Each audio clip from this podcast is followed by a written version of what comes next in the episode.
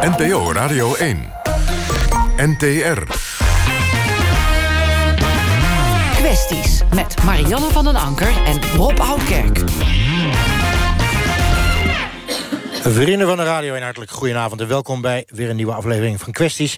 Het is het live debatprogramma van NPO Radio 1 op de zondagavond... waarin wij actuele en brandende kwesties in Nederland bespreken. En u kunt met ons meekijken hier in de bus via de app of op radio1.nl. En discussieer vooral ook met ons mee via Twitter... en gebruik dan de hashtag kwesties. U zit waarschijnlijk allemaal binnen, want met de auto en de trein... is het bijna allemaal niet te bereiken. Maar wij staan vanavond in de sneeuw met de bus... bij de Sloterplas in Amsterdam-Nieuw-West. Je zou kunnen zeggen zo ongeveer omringd door moskeeën... om te praten over vrouwenrechten in de islam. Vrouwen bidden in alle Nederlandse moskeeën gescheiden van de mannen. Ze kunnen geen imam worden. Zijn meestal ongewenst in moskeebesturen. En islamitisch scheiden mag je als vrouw, u heeft het misschien deze week gehoord... alleen als je man het goed vindt. Hoe erg is dat? Moet het veranderen? Mogen niet-moslims zich er überhaupt mee bemoeien? Ashley, we hebben jou even van uh, buiten geplukt. Ik, ik zal je één vraag stellen. Wanneer, als je de toekomst kan voorspellen... zien we de eerste vrouwelijke imam het vrijdagmiddaggebed leiden? Was die er niet dan? Die was er niet dan? um, uh, nee, ik uh, denk van niet dat die zou komen. Nooit? Uh, nee, denk het niet. We gaan er zo meteen uitgebreid over praten. Maar eerst, zoals gebruikelijk, na achter naar mijn collega Marjan van der Anker. Zij staat in de voormalige Joodse buurt, zou je kunnen zeggen, in Amsterdam. Op de plek waar een groot holocaustmonument moet verrijzen. Marjan. Ja, Klopt, uh, Rob. Wij zijn alleen wel binnen gaan zitten, want het was best wel koud uh, buiten. Wij staan uh, hier vlak bij het Meester Visserplein in Amsterdam. En daar is nu een alternatief plan bedacht voor een holocaustmonument... wat eigenlijk al gepland was en door de gemeenteraad besloten was... om op een andere plek in Amsterdam te neergezet te worden. Namelijk bij, het, bij de Weesperstraat. De buurt is het niet eens met die beslissing. De gemeenteraad heeft er wel mee ingestemd... Uh, met dat uh, plan vlakbij de Hermitage. Het is een plan waarop uh, alle 102.220 Roma- en Sinti-namen... van vermoorde Joodse Amsterdammers komen te staan. Iedere naam op één baksteen. Twee beeldend kunstenaars die hier bij mij zitten... die hebben dus dat alternatieve plan bedacht voor het Meester Visserplein... omdat zij het kunstwerk te groot en te mega vinden. Het Nationaal Auschwitz-comité, dat is initiatiefnemer van het monument... wil de discussie niet heropenen. Want het was eigenlijk al eerst gepland in het Wertheimpark. Nou, als u het allemaal nog begrijpt, dan weet u in ieder geval één ding. Er is een ongelofelijke rel gaande tussen bewoners en tussen uh, de stadsbesturen... als het gaat over de betrokkenheid van bewoners daarbij... En uiteindelijk gaat het allemaal over een monument om Joodse slachtoffers te herdenken. We zijn vanmiddag de straat opgegaan om te vragen wat de mensen er in de buurt van vinden. Zowel van het gedoe als van de plek als van het alternatief. Ja, ik vind het wel heel goed dat er een Joods monument komt hier. Zeker ook omdat het naast het Joods Museum eigenlijk is. En in Amsterdam. Maar het komt inderdaad wel aan de Weesperstraat te liggen. En we zijn nu bij de Hoftuin in Amsterdam. En ja, we zijn al een beetje een verborgen tuin in het midden van Amsterdam. En ik denk dat eigenlijk hierdoor nog meer verborgen komt te liggen achter het uh, monument.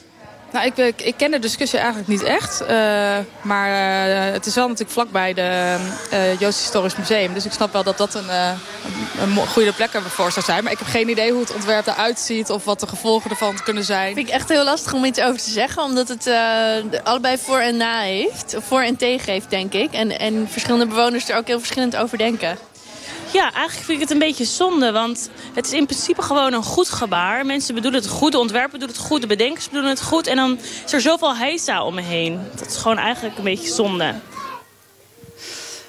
Roos Steeuws en Marien Schouten. Jullie zijn uh, degene die met een alternatief plan komen voor het herdenkingskunstwerk, om het maar zo uh, te zeggen. Jullie zijn bij ons en ook uh, Ron van der Wiek van het Centraal Joodse Overleg, de voorzitter van, is bij ons.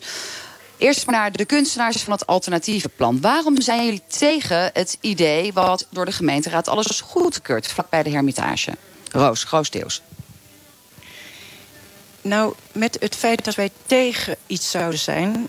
wordt meteen de discussie in een gepolariseerd gesprek getrokken. Wij willen eigenlijk aangeven dat we voor iets zijn. Wij zijn voor een namenmonument.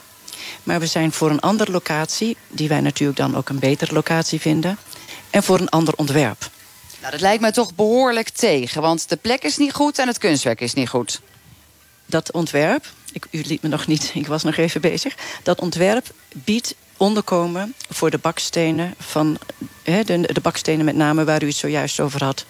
Op de locatie die wij dus voorstellen. En dat is dus onder en op het Meeste Visserplein. Ja, maar waarom zijn jullie precies tegen? Want uh, de gemeenteraad is al uh, akkoord. De 102.000 bakstenen zijn ook al gebakken. Wat stoort jullie dan zo ongelooflijk aan deze prachtige eerbetoon, herkenningachtige setting in een monument nog ook? Ja. Nou, wij vinden de locatie eigenlijk niet goed genoeg. wij denken dat op een andere locatie er het, het, het, is natuurlijk een hele eh, gewichtige zaak waar het hier over gaat. Dat dat beter tot zijn recht komt. Dat het, dat het een waardiger locatie biedt om te herdenken. Wij vinden de plek eh, op, op, langs de, de Weesperstraat vinden we te druk. En we zijn rond gaan kijken en we hebben eh, een, een, plek gevonden die naar ons gevoel ontzettend veel mogelijkheden biedt. Daar zijn we ook enorm opgewonden over. En we willen eigenlijk in gesprek komen met alle betrokkenen, het Auschwitz-comité, uh, het Joods Historisch Museum, de Portugese synagoge. Want wij denken dat er heel veel kansen zitten liggen waar, wij, iets, ja, waar we over willen praten.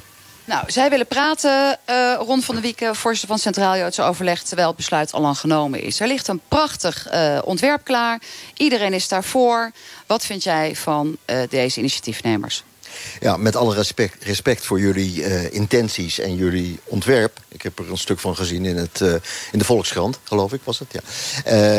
Jullie zijn een beetje laat. Een beetje erg laat. Misschien wel te laat om dat nog te, te kunnen implementeren. Dat, dat gaat bijna niet meer. De gemeenteraad is al zover. En dat is nog één commissie, geloof ik, die iets moet doen. En dan is het zover dat het wordt geplaatst op de plek waar het bedoeld is. Ik moet zeggen, dat bedoel ik niet tegen jullie persoonlijk... maar wel over die hele gang van zaken. Het is pijnlijk en bijna beschamend... het gemarchanderen en het gezeur over die 102.000 namen. Het zijn wel Nederlandse burgers die in koele bloeden vermoord zijn. En daar wordt dus over gezeurd en ge, laten we ze nou eindelijk eens ergens neerzetten. Dat, uh, die monument, het monument dat daarvoor uh, bedoeld is. Dus mijn pleidooi is, laten we nou maar alsjeblieft doen wat we bedacht hebben... en laat het gaan. Dat is eigenlijk wat ik wil zeggen. Jullie zijn te laat, hoor je Ron van der Wieken zeggen... en stop nou eens met dat gezeur. Het lijkt wel een beetje not in my backyard. Roos, Theos. Nee, het is juist in my backyard.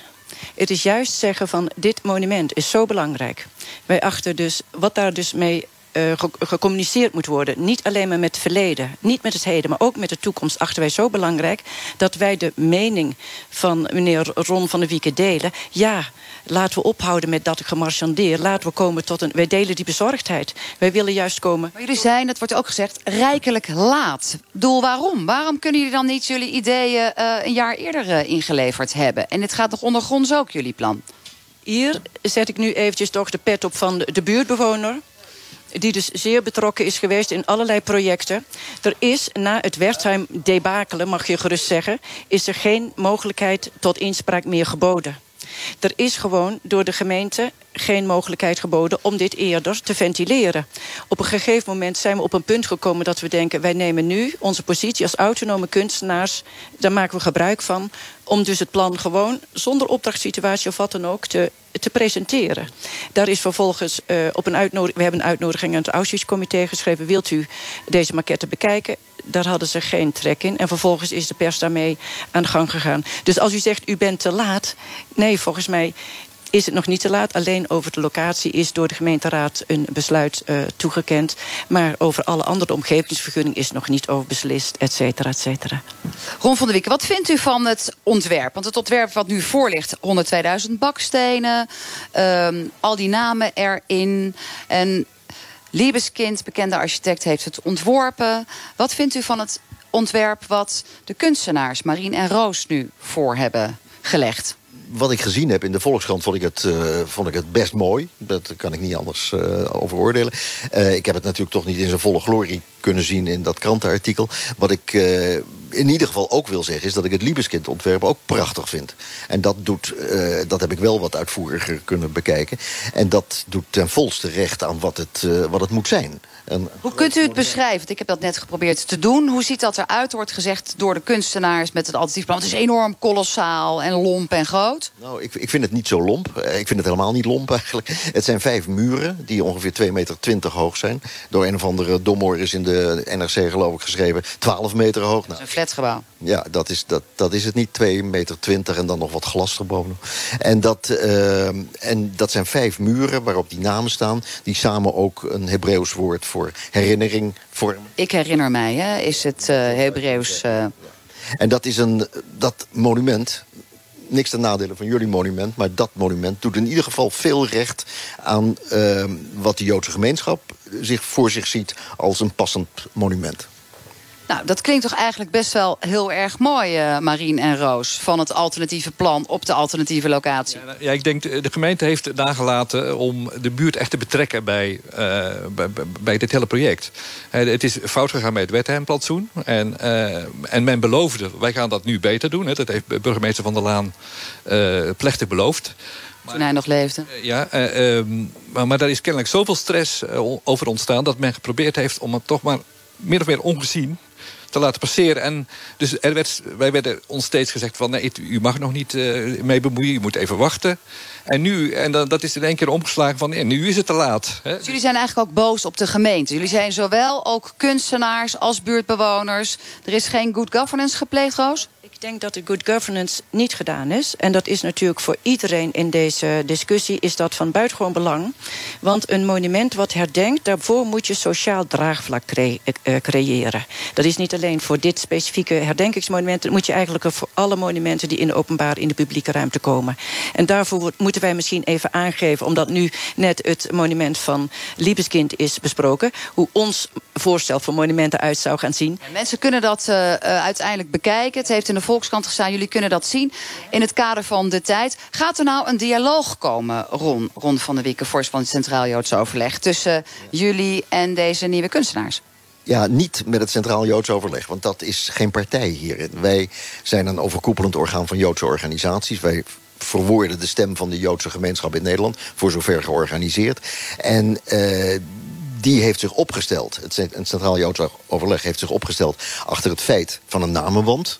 Stel jaren geleden. En eh, wij staan er nog steeds achter. We hebben dit eh, ontwerp gezien van Liebeskind, vonden het prachtig... en hebben gezegd, van ons mag je verder gaan. En dan komt het er ook snel, hè? want het is natuurlijk al Wertheim Park mislukt. Dit lijkt nu weer eh, te vertragen omdat er een nieuw ontwerp komt. Hoe belangrijk is het voor jullie als Joden dat het er snel komt? Ja, het gevoel van dat steeds, wat ik al noemde, gemarchandeer en gezeur en gedoe... dat is onprettig. Dat is, het is nu, we zijn nu 70 jaar eh, nadien, verder nog, langer eigenlijk. En het, is, het wordt tijd dat het er staat. Dat is het enige wat ik kan zeggen. Het wordt tijd dat het er staat. Verder, het monument wat jullie in gedachten hebben... dat komt voor een deel onder de grond, heb ik begrepen. Ehm, dat heeft voor ons als Joden in ieder geval eh, onprettige associaties. Onderduiken, ondergronds. Eh, wij zien het liefst het zoveel mogelijk in de open lucht... en eh, duidelijk zichtbaar voor iedereen die dat wil. Ja, een laatste ding daarover, want het heeft ook, heb ik begrepen, te maken met de veiligheid. Dit monument moet ook straks beveiligd worden met hekken eromheen, wat al erg genoeg is in onze samenleving. En voor jullie was dat een van de redenen om in een soort oude metrogang bij de Meester Visserplein het dan maar zo te doen, want dan kan het hek ook s'avonds dicht. Ondergronds. En het moet. Ik ben heel blij dat u me de gelegenheid geeft om dat eventjes op, op te kunnen, van, van eh, antwoord te kunnen voorzien. Ondergronds is eigenlijk een kwaliteit die we dus heel erg onderschatten. Ik vergelijk het even met eh, de wedstrijd. Maar het is ondergronds in een kinderspeeltuin, hè? Laat u mij even, want ik denk, ja, voor de kinderspeeltuin moet een andere plek gevonden worden. Maar ik denk onder. Dat zegt u ook nog even en passant. En hebt u daar dan ook over nagedacht qua bewoners? Want dat moet ook nog allemaal inspraak zijn. Leuk voor al die moeders met kinderen en die vaders die daar willen spelen. Ik ben zelf een moeder met kinderen. Dus. Maar de ondergrondse situatie... Ik, ik noem even de wedstrijd over de Memorial in Londen. Tien voorstellen zijn er geweest voor de Holocaust Memorial. Vijf ontwerpen hadden dus een ondergronds deel... en het winnende deel heeft een groot ondergronds... Dat hoeft niet een depreciatie te zijn. Goed, nou, het... Dat is wel het, uh, het Verenigd Koninkrijk, dat is Engeland. Dat, he dat heeft echt een andere geschiedenis dan wij hier. Onthoud dat. En zo gaat het hier in Amsterdam aan een ander stukje van uh, Amsterdam. Want jullie zitten natuurlijk met de bus ook uh, op een steenworp afstand. Hier nog wel even door. Gaan jullie, Roos en Marien, verder met jullie plannen? Gaan jullie all the way? Wij nodigen uit tot een dialoog met alle instanties die hier over. Van, van de... Helder. Helder. En de positie vanuit Centraal Joodse Overleg is ook helder. Nou, het laatste is hier nog niet over gezegd. In ieder geval staat het er voorlopig nog niet. Terug naar jou, Rob. Dankjewel Marjan uit het andere deel van Amsterdam. En goede reis terug. Ik geloof dat de treinen het uh, weer doen. Het is uh, bijna tien voor half negen. U luistert naar het programma Kwesties, het live debatprogramma van NPO Radio 1. En wij gaan het hebben over vrouwenrechten in de islam. Want in het religieuze islamitische huwelijk is eenzijdig scheiden nog onmogelijk. Vrouwen mogen niet scheiden als hun man zegt... Vind ik geen goed idee. Afgelopen week hebben GroenLinks en het CDA voorgesteld om die wet te veranderen. Het is een van de opmerkelijke verschillen tussen mannen en vrouwen in de islam. Er zijn er natuurlijk meer. Uh, de emancipatie van moslima's lijkt daarmee nog verre van voltooid... om het dus eufemistisch uit te drukken. Marokkaans-Nederlandse moskeebesturen laten vrijwel nog steeds geen enkele vrouw toe tot het bestuur... hoe competent die vrouwen ook zijn. In alle Nederlandse moskeeën wordt gescheiden gebeden. Moskeeën laten niet toe dat vrouwelijke imams het vrijdagmiddaggebed leiden. Iets wat trouwens in Amerika, Denemarken en Duitsland al wel gebeurt. Vrouwen hebben beperkt erfrecht. Vrouwen mogen nooit een doodskist dragen. En zo kan ik nog wel een tijdje doorgaan. Waarom blijft die emancipatie van moslims moslima's moet ik zeggen, ook hier in Nederland nou eigenlijk zo achter. Hoe machtig zijn de mannen hier nog in de Nederlandse islamitische wereld? En moet dat eigenlijk veranderen? En is daarbij een rol weggelegd voor Nederlandse feministen? Of moet de emancipatie waar nodig van binnenuit komen? Laten we eerst, voor ik in de bus met uh, vier moslims ga praten... even luisteren naar mensen op straat in Rotterdam. Nu op dit moment uh, bidden vrouwen en mannen apart. Vind je dat dat veranderd moet worden? Dat ze samen kunnen bidden? Nee, nee, apart is beter. Want stel je raakt per ongeluk... nee, maar ik vind dat beter. Want vrouwen moeten apart, mannen moeten apart. Want gemixt is niet goed, want het staat in de Koran. Oké, en waarom zou dat volgens jou niet goed zijn? Want de Wij mannen mogen niet naar de vrouw de kont kijken. Nee, nee. Het, ja, ze zijn wel in hetzelfde gebouw, maar er is geen behoefte naar om uh, samen te bidden.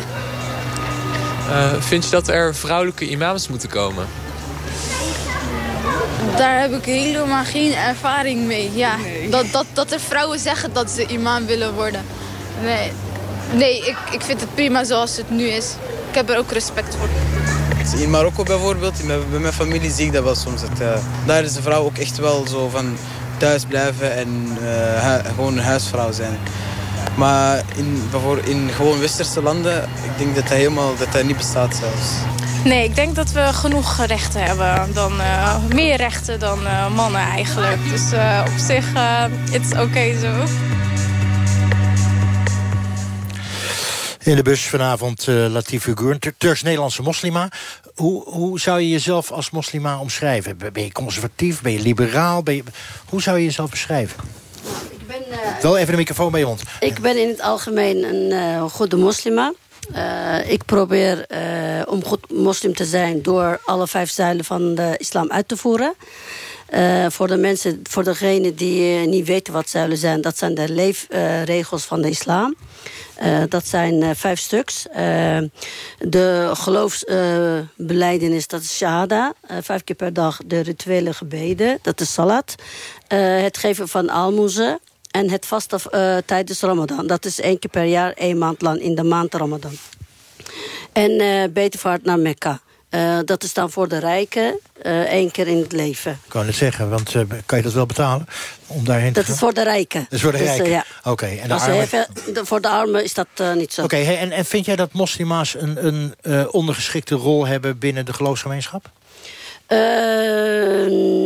Nee, eigenlijk niet. dat was wel in het verleden. Wel zo, maar tegenwoordig is dat niet meer zo. De vrouwen hebben nu in bijna alle takken van gelijkwaardige rol... er is nog een vrouw gekozen als vicevoorzitter bij de Dianetvereniging in Turkije. De Dianetvereniging is, is het Turkse presidium voor godsdienstzaken in Turkije. En is opgericht in eh, 1924 eh, na het afschaffen van, eh, van het kalifaat. Maar jij zegt dus eigenlijk, als ik je goed begrijp, eh, Latife... er is niet zoveel aan de hand. Het is eigenlijk wel geëmancipeerd. Eh, tegenwoordig wel. Want in de islam is het eigenlijk... ehm, eigenlijk is dat een mannencultuur die zeg maar, de vrouwen tegenhoudt om iets te doen. Ja. Eh, maar in de islam is dat niet zo. Als, eh, als men islam goed kent, de regels goed kent... eh, weet dat vrouwen evenveel recht hebben als mannen. Ik ga naar Fatima Latik, eh ook moslima van Marokkaanse afkomst. Voormalig stadsdeelvoorzitter, gemeenteraadslid voor de Partij van de Arbeid. Tegenwoordig diversiteitsadviseur, als ik goed geïnformeerd ben. U gaf vroeger volgens mij de andere seksen geen hand, hè? Of wel? Heel vroeger. Ja, heel Voor- vroeger. Voordat ik jou leerde kennen, ja. Voordat je mij Ja. leerde kennen. Ja. Ehm, dat is alweer heel lang geleden. Ja. Maar, maar waarom gaf je ze geen hand? En waarom nu wel? Nou, dat was het begin van mijn eh, eigenlijk religieuze zoektocht. Eh, ik ben geboren moslima, maar ik zeg dat ik op mijn zestiende pas echt bewust moslima geworden. En in het begin eh, word je een beetje roomser dan de paus, zoals op een goede Hollandse eh, uitdrukking. Dus dan ga je uitzoeken wat al die regels nou betekenen en hoe ze passen bij jou en hoe jij het toe verhoudt. Dus ik was in het begin best wel heel erg zoekende en lerende. En ik had voor mezelf heel veel strikte regels overgenomen. Van later gevoelsmatig ook bleek dat ze niet voor mij passen. Met andere woorden, je bent, je, je, bent er vanzelf in geëmancipeerd. Zoiets? Moet ik dat Ja, ik, het hielp ook dat ik een familie had die af en toe zei... van, doe ze even normaal. En dat hielp ook. Dus dat, maar, maar je moet dus voorstellen, dat was in mijn puberteit. Hè. Rond mijn vijftiende, zestiende was ik aan het zoeken. Dan ben je aan het experimenteren. En dat vond ik best wel een fijne tijd. Omdat je dan maar ook zeg maar, de, de, de- zeg maar, de grenzen ken- leert kennen van je eigen identiteit. In relatie tot een religieuze identiteit. Ga je nu nog veel naar de moskee? Niet vaak, nee. Ehm, doe je andere dingen waarvan we zeggen... nou, het heel, je draagt een hoofddoek. Zijn er nog een aantal andere dingen waarvan je zegt... nou, Ja, ik, eh, ik hou me aan, eh, aan praktisch alle regels van de islam. Dus het is niet alsof ik geen moslima ben. Ik eh, bid, ik vast, ik geef aalmoes, ik doe alle rituelen. Want dat past gewoon bij mij. Dus ik ben ook gewoon echt gelovige vrouw. Oké, nou zegt Latief... eh, het valt wel mee ten aanzien van die inleiding die ik hield. Hè, van, nou, we hebben nog dit, we hebben nog dat. Schoolbestuur of eh, besturen zitten ze niet in. ja. Eh, mogen dit niet, mogen dat niet. Hoe zit het nou met die emancipatie van moslima's? Ja, kijk, weet je, ik, ik vind echt dat we binnen de moslimgemeenschap... vergeleken met 20 jaar geleden al heel ver zijn in Nederland. Hè. Laat ik het over Nederland hebben. Ook over de positie van vrouwen, de activiteit van vrouwen... De, hoe vrouwen vooruit zijn gekomen. Ik ben het eens met jou wat je zegt. Dat je ziet dat het eh, heel erg een mannencultuur is geweest... waarin vrouwen toch een andere rol hadden. Maar wacht even, je zegt geweest.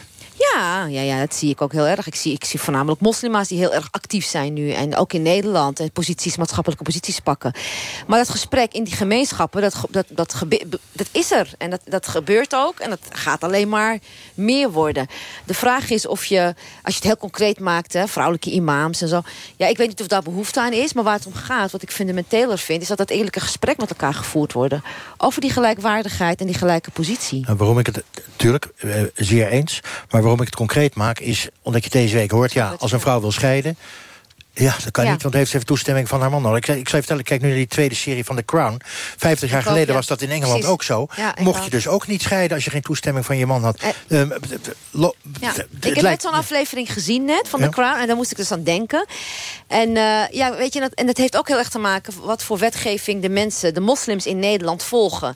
Kijk, een islamitisch huwelijk... de meeste mensen trouwen, bijvoorbeeld Marokkanen trouwen... volgens de Marokkaanse wetgeving. En daar zijn de afgelopen jaren heel veel veranderingen doorgevoerd... om dus ook te kunnen scheiden. Of ze trouwen via de Nederlandse wetgeving... wat ik sowieso zou, zou En dan is geen aanraden. probleem, ja. precies. Dus mensen die met een islamitische akte trouwen... Ja, ik, weet niet, ik weet niet in welke gemeenschap dat allemaal gebeurt... maar dat, kennelijk kan dat. Ik ken dat niet vanuit mijn eigen gemeenschap. Maar ik vind dat die fundamentele rechten van de vrouw... gewaarborgd moeten zijn om ook de ge- genoeg ruimte te hebben... en de vrijheid te hebben om eigen keuzes te maken. Als jij in een ongelukkig huwelijk zit... dan moet je het recht hebben om weg te kunnen gaan bij dat huwelijk. En- En, dan moet je niet afhankelijk zijn of de man zegt ja of nee. Dat vind ik gewoon verschrikkelijk. Dan zijn de getallen zo dat 50% wil scheiden, maar eh, mag niet. Ik bedoel, dat zijn toch ook wel harde Ja, getallen? ja, klopt. Ja. Ik, ik, vo- ik volg ook de, de, de, de beweging en de activiteit in de verschillende gemeenschappen. Ja, en daar, daarom zeg ik, er zijn een aantal fundamentele kwesties... die in die moslimgemeenschappen in Nederland echt goed bediscussieerd moeten worden. We gaan er eh, zo direct over verder praten. Even de derde gast introduceren. Ehab Mohammed Osman, eh, beleidend moslim... voormalig voorzitter van Islamitische Studentenvereniging hè, in Delft. Hoe belangrijk is geloof voor jou? Uh, geloof is uh, zeg maar niet alleen iets wat je in de moskee doet voor mij... maar ook iets uh, waar je dagelijks mee bezig bent. Wat, ja, geef een voorbeeld. Wat, wat... Geef een voorbeeld. vijf keer per dag bidden. Geen alcohol drinken. geen handen geven aan vrouwen. zo kan ik wel meer opnoemen. Maar het, het is zeg maar iets wat geïntegreerd zit in, in de way of life. Oké. Okay. De, vraag die vanavond voorligt is... hebben moslima's een ondergeschikte rol binnen de geloofsgemeenschap? Of uh, is dat misschien een typische vraag van een, uh, van een blanke 62-jarige man? Dat mag ik toch ook zeggen. ik, ik denk, als ik even een stapje terug mag doen... dat we eerst moeten beginnen van... In Nederland heb je vrijheid van religie. Stap 2 is van, ja, je hebt islam, je hebt christendom, joden... en een aantal andere geloven bij de, uit, vanuit de islam zijn een aantal normen en waarden... die bestaan uit het feit dat je gelooft dat, uh, dat Allah zeg maar, de God is... en dat hij ook zeg maar, uh, ons geschapen heeft. En daarom ook de regels heeft opgesteld van wat goed is en wat fout is. En vanuit daar uh, is, is eigenlijk de islam ontstaan. En dat is, het, dat is de islam. Terugkomend op jouw vraag. en een, een van die dingen is natuurlijk hoe mannen en vrouwen met elkaar om moet gaan. Ja. Om, om moet gaan. Om kunnen gaan dat is een geloof die je eigenlijk niet zou moeten of willen veranderen. Dat is eigenlijk de islam die dus uh, min of meer niet fixed is. Maar wel, uh, het, is, het is niet zo dat vandaag... Maar wel een beetje fixed, als ik je zo hoor. Ja, het is, het is 1400 jaar geleden ontstaan. De, de relatie tussen mensen, tussen man en vrouw... is niet, niet veel anders dan 1400 jaar geleden. Maar, help, maar, nee, maar, maar wacht even, wacht even. Misschien is de relatie man-vrouw 1400 jaar niet veranderd. Kan niet over oordelen, want toen was ik er nog niet. Maar de, de, de maatschappij is behoorlijk veranderd, toch? De maatschappij is veranderd, klopt. Ik gebruik WhatsApp om met mensen te praten... Precies. in plaats van met een brief. Precies. Eh, functioneel is het hetzelfde. Functioneel trouwen we nog, of tenminste heb je een relatie tussen man en vrouw. Is er een, is er een eh, aantrekking tussen man en vrouw? Die is er nog steeds. kijk maar naar die hashtags van MeToo enzovoort. En, en uh, dat soort dingen probeert de islam dus een beetje te kanaliseren. Dus er zijn allerlei, hè, er zijn allerlei uh, manieren om zeg maar, die aantrekkingskracht tussen man en vrouw... Uh, om daar geen, zodat, zodat het niet fout gaat. In goede banen, te, goede banen te leiden. Ja, maar wat bedoel je met in goede banen leiden? Nou, hoofddoek bijvoorbeeld is, is één voorbeeld ervan. Hè, dat vrouw, uh, vrouw en zowel man, dus het is, daarin is gelijkheid... moeten hun uiterlijke schoonheid bedekken. Wat de uiterlijke schoonheid is, dat, die definitie is anders voor de man als vrouw... maar het is wel gelijk. Daarnaast, in principe is de vrouw, uh, antwoord op jouw vraag... Is, is gelijkwaardig in de islam aan de man. Echter als ik een 8 haal voor een tentamen... en jij ook een 8 haalt voor een tentamen... dan heb jij op een aantal punten goed gescoord... en een aantal punten minder goed. En ik misschien op andere punten goed gescoord en, en minder goed gescoord. Oké, genoeg stof om zo direct over verder te praten. Ik uh, onderbreek even, want er is ook nog iemand aan de telefoon. Um, uh, Said Bouharou, uh, um, welkom. Vicevoorzitter van de Raad van Marokkaanse Moskeeën in Nederland. om hoeveel Marokkaanse moskeeën gaat het eigenlijk in Amsterdam? Goedenavond, Rob. Um, ik denk zo ongeveer een uh, stuk of uh, 8, 9 in Amsterdam. Oké. Nou, in een opiniestuk in de krant over emancipatie schrijf je... te vaak, ik citeer even, gaat de interpretatieleer uit van een mannenperspectief. Islam en subjectieve mannelijke opvattingen worden dan wel eens met elkaar verward. Wat bedoel je daar nou precies mee? Nou, dan gaat het over, um, um, in de context, zeg maar, dat, toen ik dat artikel schreef, uh, ging het echt over um, onderwerpen uh, ook taboe onderwerpen zeg maar, die, we, die, eh, die besproken worden in het maatschappelijke debat. Bijvoorbeeld ook zeg maar, ten aanzien van vrouwen die toetreden tot het moskeebestuur. we zien dat gewoon te weinig gebeuren. En, en er zijn een aantal redenen waarom zeg maar, ehm, wij denken dat het, dat, het beter, dat het beter kan gaan. Um, we zien dat er bijvoorbeeld, als het bijvoorbeeld, ik zal een voorbeeld geven, als het bijvoorbeeld een imam een, een, een, eh, een bepaald onderwerp wil bespreken. We zien dat het altijd natuurlijk mannelijke imams zijn. Um, als dan bijvoorbeeld een, eh, een, een vrouwenkwestie, om ik het maar eventjes besproken gaat worden... Dan zien we dat bijvoorbeeld met name mannen daarover, daarover vaak discussiëren. En um, ik zie te vaak, en ik hoor ook te vaak, dat dan bijvoorbeeld de vrouw uh, via uh, haar echtgenoot of een familielid een bepaalde kwestie aan de orde moet stellen. En ook dan weer een anti-intermediair. En, um, uh, en, en, en, de vrouw dan te vaak zeg maar, met een man over bepaalde gevoelig onderwerp praten die, die zij liever toch eigenlijk met een, ja, met een vrouw zou kunnen, kunnen bespreken. Okay, en ik denk dat daar veel meer ruimte voor moet komen. Oké, volstrekt duidelijk. En durf je zo ver te gaan dat je zegt dat de islam een mannenmachtsbolwerk is? Nee, nee, dat absoluut niet. Ik denk dat dat echt een cultuurding is. Um, ik uh, denk dat het islamitische recht in die zin... Geabstraheerd van tijd en, en, en, en locatie... ehm, toch echt ehm, niet uh, vereenzelvigd moet gaan worden met, met, met, met de cultuur. Ik denk dat dat, uh, dat, dat vaak onwetendheid is en gebrek is aan kennis over de islam. als we het hebben over de gelijkwaardigheid van de man en de vrouw. Want ik hoorde net een aantal van mijn voorgangers spreken. Heel interessant. Maar ik denk dat er een verschil moet worden gemaakt tussen gelijkheid en gelijkwaardigheid. En um, niemand, niemand is op zich gelijk. Dat geldt niet alleen ten aanzien van seks, maar ook ten aanzien van andere zaken en onderwerpen. Maar er is wel uh, sprake van gelijkwaardigheid. En um, uh, ik denk dat dat in, de, in, de, wereld van de moskeeën zou dat, zou dat meer moeten gaan toenemen. En meer bewust aandacht voor, voor, moet, voor moeten komen. Om ervoor te zorgen dat zaken die ons allen aangaan. Met name als het gaat om de positie van de vrouw. Maar ook een aantal andere onderwerpen, zoals bijvoorbeeld het, het huwelijksrecht. Um, en het scheidingsrecht. Veel, ja. En het scheidingsrecht, ja. inderdaad. Dat het veel beter besproken kan worden. Uh, als vrouwen daar, daar veel meer bij betrokken uh, worden. En nu zeg ik niet dat ik, ach, dat ik achter het standpunt sta... die in de politiek niet wordt, opgenomen, wordt ingenomen. Ja, door het CDA en GroenLinks bedoel je? Ja, ja precies. Omdat ik... dat, ik, ik, ik, ik, ik heb daar mijn vraagtekens bij.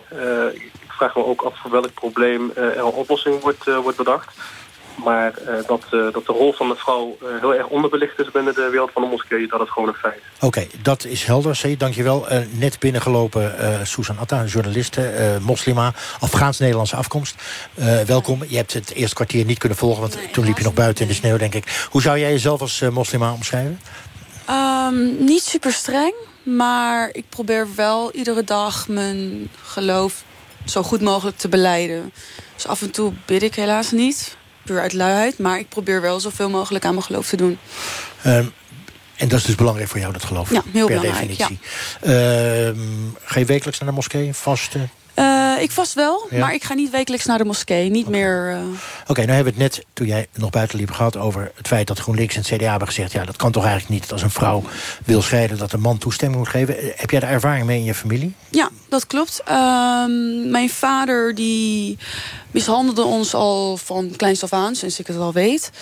En een paar jaar geleden is hij er vandoor gegaan met een andere vrouw... En mijn moeder die heeft al jaren gevraagd, uh, gesmeekt uh, aan mijn vader... dat ze gescheiden wil uh, leven van hem. Maar iedere keer weigerde hij om dan nou ja, die derde te laag op te, roep, op te roepen. En uh, dat kon mijn moeder niet hebben. En het jammer is dus dat er geen bijvoorbeeld sharia-rechtbanken in Nederland uh, zijn. Wat is een sharia-rechtbank, voor mensen die het niet weten? Even kijken. Hoe zou je dat omschrijven? rechtbank is dat eigenlijk, okay. ja. ja. En die zou dan kunnen uitspreken, je mag ja, wel scheiden. Ja, want in principe heeft mijn moeder gewoon het recht om uh, van mijn vader te scheiden. Zo'n gewelddadige man. Daar, kan je niet mee leven. En maar kan je je voorstellen dat als je nu zit te luisteren ja. uh, uh, naar de radio... dat je denkt, hé, maar dit is toch een verhaal... natuurlijk wil die vrouw ja. scheiden... en dat, dat moet ieder weldenkend mens toch ook goed vinden. Ja, um, ja, ja mag ik daar wat over zeggen? Uh, ik heb net aangegeven, jij bevestigt ook... Hè, islam is min of meer fixed. En gelukkig, en dat heb ik hier nog niet gehoord... is het in de islam ook mogelijk... en is het ook toegestaan dat de vrouw van de man mag scheiden. En dat moet dan via, een, uh, ja, via de, de hoofd van, uh, van, de, van de islamitische wereld... of in ieder geval iets wat, uh, wat autoriteit heeft. En het probleem in Nederland is niet zozeer dat vrouwen niet kunnen scheiden van de man. Het probleem in Nederland is dat de islamitische huwelijk... en dat zei Latifa net ook, dus eigenlijk niet officieel erkend is. En als we daarmee beginnen, net als in Engeland bijvoorbeeld... dan heb je stap 1... En stap 2 is dan, uh, hoe ga je dus laten scheiden? Dat doe je dan net als in Engeland met de Sharia Council. Dus ja, vanuit de islam mag je wel scheiden. Alleen en, en niet uh, op, op dezelfde manier als de man dat kan doen. Dus het moet via een rechtbank. Het moet via maar een is omweg. dus wel mogelijkheid. moet via een omweg. Okay. Even... Said uh, Bouhouwer, ik begrijp dat jij ook wil reageren?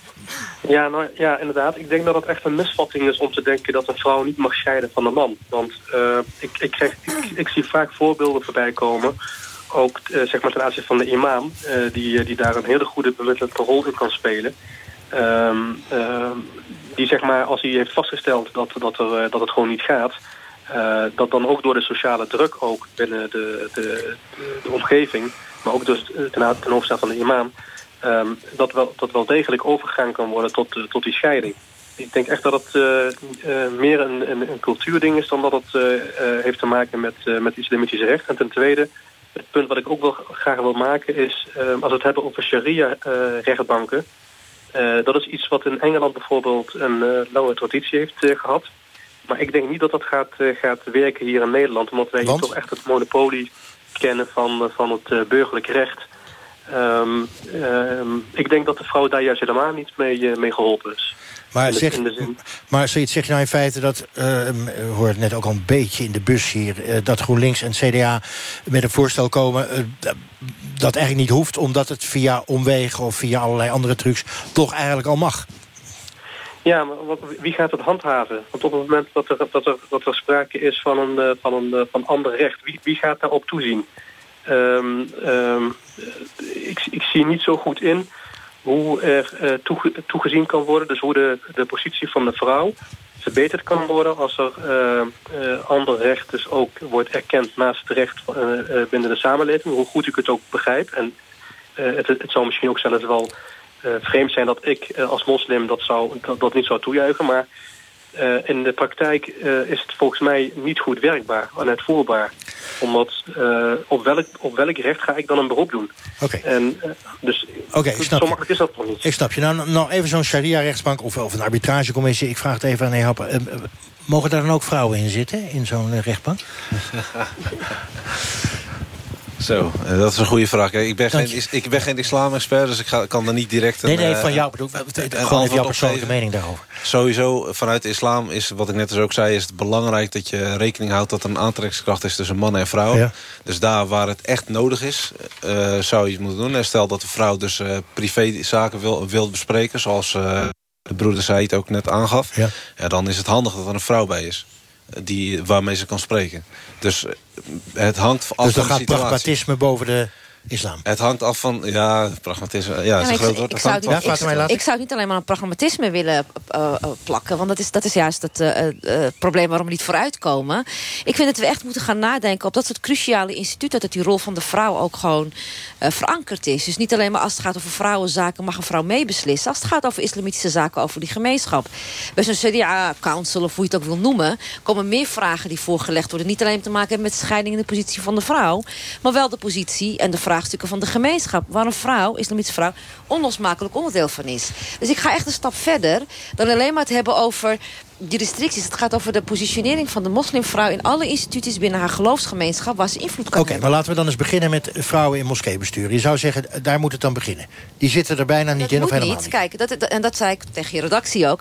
We moeten ook een beetje oppassen dat we niet zeg maar, de positie uh, uh, van de moskeeën... bijna gaan vergelijken met de positie die kerken hebben... in de gemeenschappen en in de westerse samenleving. Omdat ze die positie gewoon niet hebben. Met alle respect, als je hier vraagt aan ons... wie komt er vaker in de moskee? De mannen komen vaker in de moskee om te bidden. De vrouwen komen eens in de zoveel tijd om te bidden of voor activiteiten. De positie die de moskee heeft in de gemeenschap is helemaal niet zo groot. Het, ik vind dat dat nu soms een beetje overdreven wordt. Ik zeg dat omdat ik zelf heel lang actief ben geweest in de moskee. Ook de positie had om in het bestuur te gaan zitten. Maar had ik geen zin in. Om nee, elke avond te gaan vergaderen nee. over huur en elektra. En het is niet alsof daar beleid okay, wordt vergaderen gemaakt. Is, vergaderen is misschien niet leuk. Ik bedoel, dat, dat geef nee, maar, graag na. Nee, maar, maar je, je moet ook oppassen dat je niet... Het lijkt alsof die moskeeën ook over beleid gaan. En beleid aan het maken zijn. Die moskeebesturen die we nu hebben, onze papa's en mama's... die besturen gewoon het gebouw en alles eromheen. Maar wacht even, wacht even. Maak wacht even. het niet aantrekkelijker dan het is. Nee, ik maak het niet aantrekkelijker, maar... Even, ja, Latifa, sorry. Ja. Ik heb vorig jaar in het uh, moskeebestuur gezeten. Twee jaar lang. Was het leuk? Ja, het was, uh, het was wel leuk. Leer, het was heel erg leuk, leerbaar. Maar het is wel best wel moeilijk voor een vrouw alleen in een bestuur te zijn. Met al die mannen? Uh, met al die mannen, ja. Want uh, soms uh, sta je helemaal alleen. Want ze willen dan met jou samen niet ergens heen gaan. Omdat mannen en vrouwen niet bij elkaar mogen zitten. dat was heel erg moeilijk. Dus ik moest iedere keer of iemand een vriendin meenemen. Uh, of uh, ik, ik, kon niet mee. Of ik moest uh, alleen met mijn eigen auto. Maar dan zou je bijna zeggen, niet, één, niet één vrouw, maar meerdere vrouwen. Dat maakt het dan eenvoudiger. Ja, meerdere, dat, dat, maakt wel eenvoudiger, ja. ja. Dus dan heb je ook iemand die naast jou diezelfde denkt. Maar, maar nog even iets anders. Ook even terug naar Fatima ja. en dan zo direct um, ook nog naar anderen. Het is toch zo dat, ik zeur er toch even over door... Dat vrouwen in moskeebesturen, die hebben ook invloed op de imam. Die hebben ook weten we uit literatuur... een deradicaliserende invloed. Heel dus, erg. je, dus je bagatelliseert volgens mij Nee, nee, ik bagatelliseer het niet. Dus ik ben voor volledige participatie van moslimvrouwen, ook in moskeeën. Maar ik zeg alleen, ik, ik, af en toe breng ik de nuance in de westerse Hollandse kijk op de rol van moskeeën. Dat ik denk, jullie maken hem ook groter dan hij is. Kijk, ik, ik ben heel lang, bijna twintig jaar actief geweest in een van de grootste moskeeën in Amsterdam. Genoeg gedaan, ook met de mannen daar. En dan zie je ook het vrouwen participeren en actief zijn. En sommige vrouwen kiezen er bewust voor om actief te blijven in de moskee, maar niet deel te zijn van een bestuur. Oké. Zou je het... eh, Het gaat eh, erom op de plek te zitten waar je invloed kunt hebben. Sayed Bouhara, ehm, vrouwen in moskeebesturen... eh, een noodzaak of ehm, meer een doekje voor het bloeden? Ja, nou, ik hoor Fatima eh, daarover een, eh, een eh, ja, mooi betoog eh, houden. Ik ben het in die zin op zich wel met haar eens dat ze zegt van de moskee is, is, is- niet alleen, die kunnen niet alleen het podium bieden zeg maar, om de emancipatie van de vrouw en de rol van de vrouw daarin meer te versterken. Maar wat ik, natuurlijk, wat ik wel zie is dat ehm, binnen de wereld van de moskeeën, en we hebben hier in totaal iets van 500 moskeeën in Nederland. Ja. Ehm, eh, moskeeën zijn niet meer die oude gebouwen als, het, eh, dan, eh, ja, nou ja, als 20 jaar geleden. We hebben het hier echt over instituten eh, inmiddels. Eh, hele grote eh, instituten.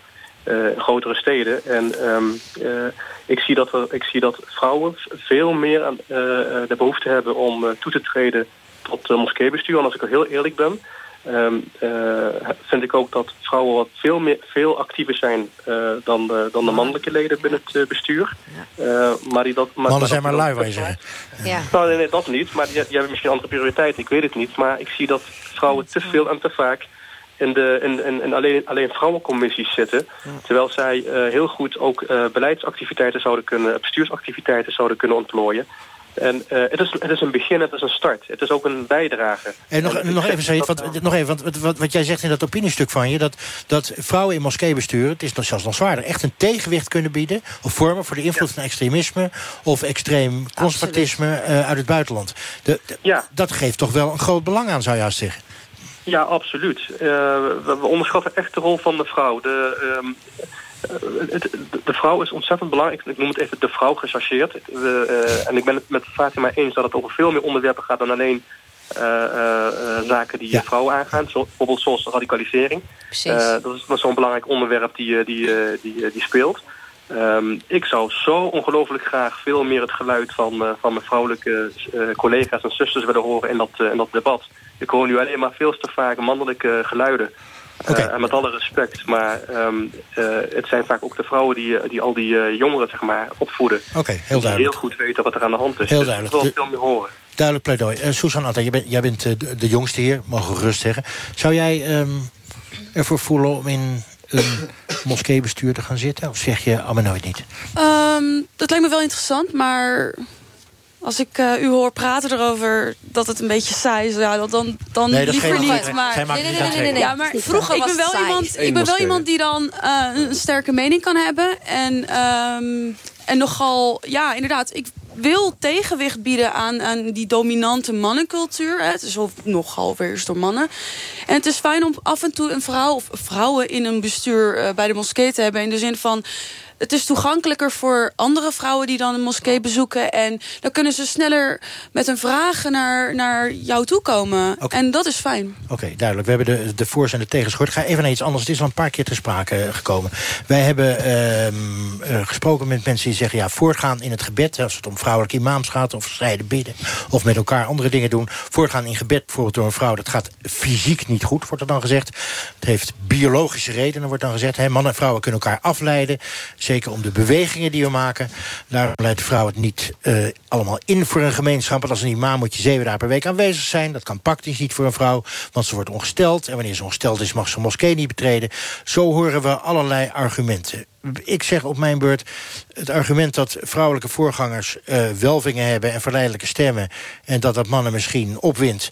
Moeten die mannen, Ehab, dan niet gewoon getraind worden om zich een beetje fatsoenlijk te gedragen? Eh, kan ik jouw vraag stellen? Sorry, ik, weet dat ik geen vraag mag stellen, maar Jawel, dat zit mag. je- staat de deur van jouw huis op slot? De deur van mijn huis op slot? Nee, nou ik gooi hem wel gewoon de deur dicht, maar ik draai hem niet op Oké, slot. dus je kan er niet zomaar naar, naar binnen? Nee. Waarom? Nou, omdat er in Nederland af en toe nog wel eens dieven en diveggers zijn die maar dan denken... moeten die dieven en diversen dan niet gewoon hun handen thuis houden... en niet eh, naar binnen komen? Maar ja, vind jij dat een eh, terechte vergelijking? Ja? Ja? Ja, Leg eens uit. Nee, de, leg eens terechte- uit. de, Leg eens vergelijk- uit. de vergelijking Nee, maar- is dus van... Nee, maar wacht even. Oké, dan zal ik het anders. Ik maak het anders. Jij, jij doet boodschappen bij Albert Heijn. hè? Of, of bij de Lidl of wat dan ook. Publiek omroep, een beetje uitkijken. Da- daar, daar lopen ook allemaal vrouwen rond. ehm, eh, de- de- de- de- Ja, oké. je laten toch we als te gedragen? St- stap- stap je, gaat zelf de MeToo-discussie aan. Stap. Ja, ik, woon, ik woon in Rotterdam-Zuid, dus eh, ja. wat voor vrouw. daar- nou, in ieder geval, stap voor stap. Stap 1 is eh, wat ik net zeg over die, dat eh, verhaal met... eh, eh, mannen moeten zich gedragen. Tuurlijk moeten mannen zich gedragen. Maar als je kijkt naar die hashtag van MeToo... dan zie je dat, dat, het, dat er een issue is. Er is een aantrekkingskracht tussen man en vrouw. En die heeft een plaats in de islam. Je kan gewoon normaal, normaal trouwen in de islam. Dus het belangrijkste is dat je eh, vanuit de islam vooral kijkt naar...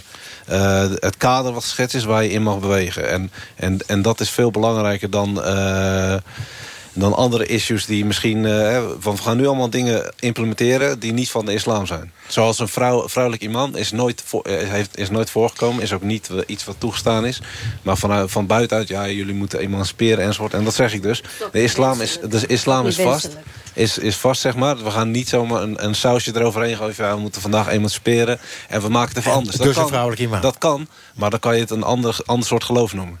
Je kan niet zo van dit soort geloof en vandaag eh, vinden jullie dat homo's kan. Eh, hoeveel vingers? Ja, dat is goed, prima. Zo, zo werkt de islam. Zo, wer- zo werkt het niet. Ik vraag even aan Fatima Laati. Vrouwelijke imam, is dat, is dat do- doorgeslagen emancipatie? Doorgeslagen emancipatie? Oh, ik, vind, ik, ik, ik spreek met van doorgeslagen emancipatie. Prima, dan slaan we lekker door. Nee, de vraag is, wat is de functionaliteit van, van, wat is de functionaliteit van de imam? Nogmaals, alweer, wat is de rol van een imam ook hier in het Westen? Ik eh, ken heel veel vrouwen in de moskee bij ons vroeger... die eigenlijk de rol van een soort vrouwelijke imam hadden. Namelijk vrouwen die bij vrouwen bij elkaar het, in het gebed voorgingen... die lezingen gaven, die lessen gaven. Dus je moet de imam niet gaan vergelijken met de dominee en de priester. Maar die hebben dingen. minder macht en minder invloed, toch? Ja, maar die imam, alsof de imams in Nederland in de moskeeën veel macht en invloed hebben. Dat is wat, snap je? is dat nou een domme vraag van mij? Nee, is geen domme vraag, maar ik ben blij dat je hem stelt. Want daarom zei ik net, pas op dat je dus die, die, die moskee-instituties niet gaat vergelijken met de kerkelijke instituties. Maar wacht even, Die wacht imam heeft helemaal niet zoveel macht in, Amst- in Nederland. Daar moeten we echt mee oppassen wat steeds te zeggen. Said Ik, ehm, ik, ik, ik denk dat het, ehm, wat ik me afvraag als ik, als ik eh, eh, de discussie hoor, is ehm, wat is nu eigenlijk het probleem? Want volgens mij is die behoefte daar helemaal niet. Al- althans, nou, Geen behoefte aan vrouwelijke imams. Ja, precies. Kijk, ik weet dat de behoefte aan vrouwelijke bestuurders, die, die is er wel. En daar wordt ook een, eh, een debat over gevoerd. Maar, en het is mooi om te zien hoe het in Amerika, wat er in Amerika gebeurt en dergelijke. Maar het speelt hier, het speelt hier in die zin niet. Ik, ik kom nauwelijks vrouwen tegen die tegen mij zeggen of tegen anderen zeggen... eh, wij, wij eisen of wij willen graag een vrouwelijke imam. Dus ik vraag me af waar, waar we nu eigenlijk een oplossing voor aan het bedenken zijn. Oké, maar wat je niet ziet, wacht even. Fatima Nee, maar het vrouwen vragen niet om een, vrouw, een vrouwelijke imam. Maar ik kom heel veel vrouwen tegen die vrouw, vragen naar een vrouw... die zeg maar, hen wat meer kan vertellen over de islam... weer meer leiding kan geven, die ze meer meeneemt... die ook die meer kennis heeft. Dus niet om in het gebed voor te gaan... want dat is het simpele wat je kunt doen. Maar meer een vrouw met genoeg bagage en kennis... die ook af en toe tegenwicht kan bieden... tot, tot sommige mannelijke imams... die best wel een restrictieve beeld hebben over de rol van de vrouw. Die behoefte is er Ja. wel. Ja, nou ja, het is, op, het is, het is uit- uiteraard prima. Dat, en dat is ook de reden waarom ik ook vind dat er veel meer vrouwelijke bestuursleden erbij moeten komen. Want die kunnen dan ook op, die manier veel meer tegenwicht bieden. En die bepalen dan ook het beleid en de agenda zeg maar, van de imam eh, ten aanzien van de preken. Want, want, je, want, want je weet, Fatima, dat ook eh, dat bestuursleden, met name de voorzitters... die bepalen vaak ook eh, zeg maar de preek van de imam. Dus het is niet zo dat de imam maar lekker eh, dingen kan gaan preken ehm, eh, naar, naar, naar goed believen. Dus, dus een vrouw kan, kan wel degelijk via zeg maar de bestuurlijke, een bestuurlijke rol eh, invloed uitoefenen. En ze kan ook zeer zeker zeg maar, via andere rollen ehm, eh, eh, nou ja, eh, de gemeenschap ook, met name de vrouwelijke leden, Oké, oké. duidelijk. Maar- duidelijk. Ik, ik, wil, ik wil eigenlijk nog even twee onderwerpen kort bespreken. Onze redactie heeft zich de hele week suf gebeld. Wij probeerden moslima's te krijgen hier in de bus... om over dit onderwerp te willen spreken. We hebben er een paar gevonden, maar het was razend moeilijk. Rust er een taboe op, Fatima? Waarom kunnen wij zo moeilijk moslima's krijgen om hierover te praten? Viel echt op namelijk. Ja, ik moet je zeggen dat ik de laatste uh, 15 jaar uh, ook weinig interviews heb gedaan over islam en moslims en zo. Op een gegeven moment ben je ook een beetje moe over het over te praten. Moe? Niet zozeer dat het, dat het, een taboe is. Niet het taboe, maar soms is weet je wat het is? Je moet heel vaak opboksen tegen een soort beeld wat gecreëerd wordt van die moslimvrouwen. Sommige vrouwen hebben er gewoon geen zin in. En andere weer wel. En ik, in, in, in sommige gemeenschappen is het misschien wel taboe om te participeren. Maar ik, geloof, ik maak dit nu al ongeveer 25 jaar mee. 25 jaar geleden was het heel raar als moslim op televisie te komen. Ik merk dat de participatie van moslima's echt wel groter wordt. Maar of ze aan alles willen meedoen, ja, is de vraag. Oké, okay, uh, Latife? Heb je zelf het gevoel van... Hè, want jij zit hier wel. Moeiteloos, zo te nou, zien? Uh, Even de microfoon bij je mond. Ja. Ik wil eigenlijk eerst over uh, de, de vrouwen... Of uh, vrouwelijke imam. Daarover uh, wil ik even Daar wil je nog zeggen. iets over zeggen? Ja, ja zeg maar. Ja. Wel de microfoon bij je mond.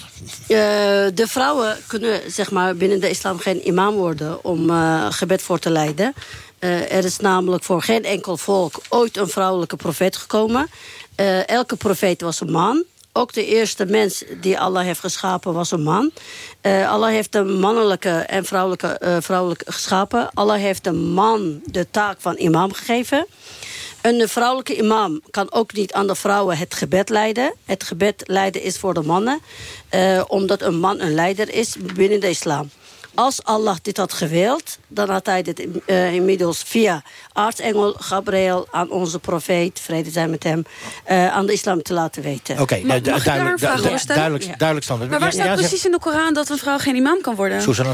Uh, ja, een man is leider in de, ima, in de, in de islam. Een vrouw kan nooit een ja, imam dat begrijp worden. ik. Maar, voor maar, de mannen niet. Nee, maar prima. Voor de vrouwen maar kunnen ze ze kan dat wel wel gescheiden voor de vrouwen... en tegelijkertijd het gebed voor Leiden. de mannen beide uh, uh, leiden.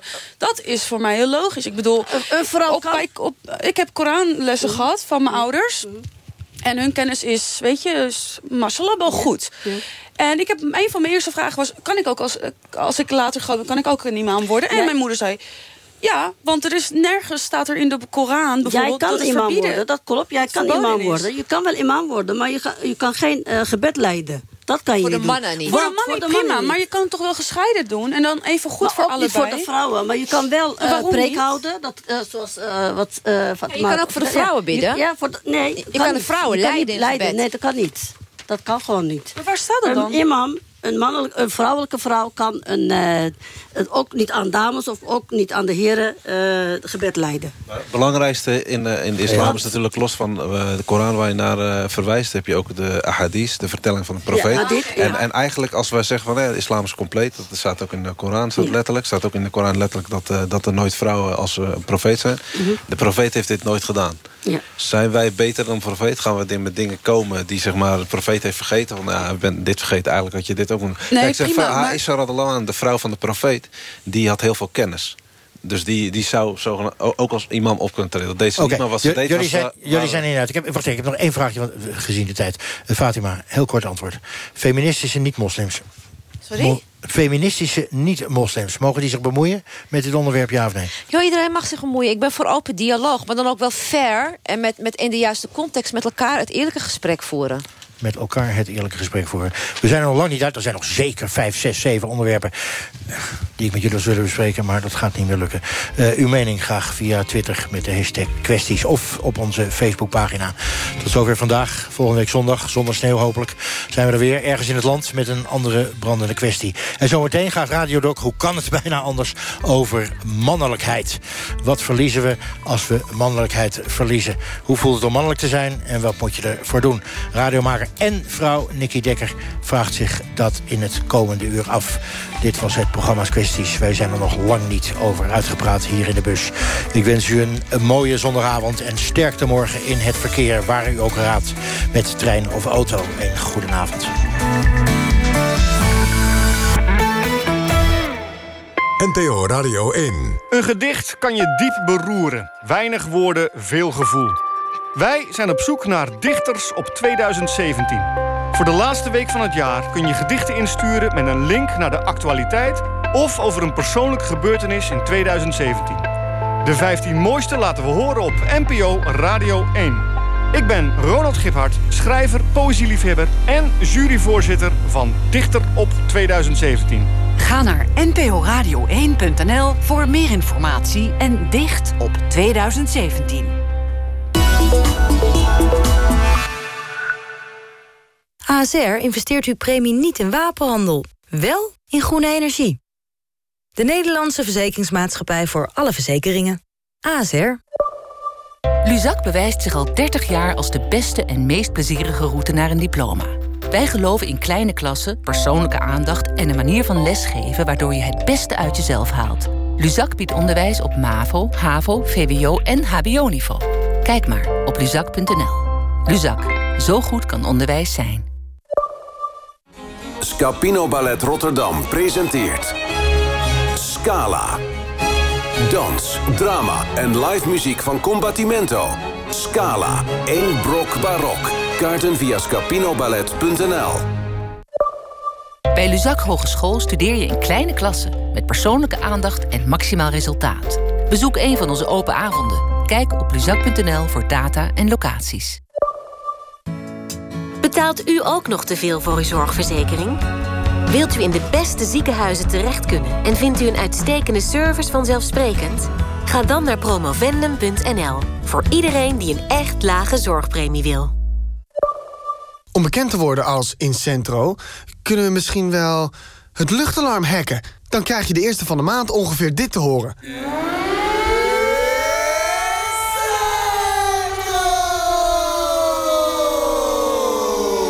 Of uh, we kunnen gewoon een radiospotje maken.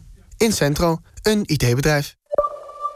Wilt u ook een echt lage zorgpremie? Ga naar promovendum.nl.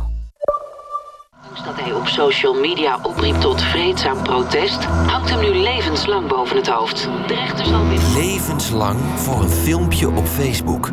Voor ons onvoorstelbaar. Voor Mahadin Atjaat mogelijk de realiteit. Kom samen met Amnesty in actie tegen dit onrecht... en schrijf een brief. Het helpt.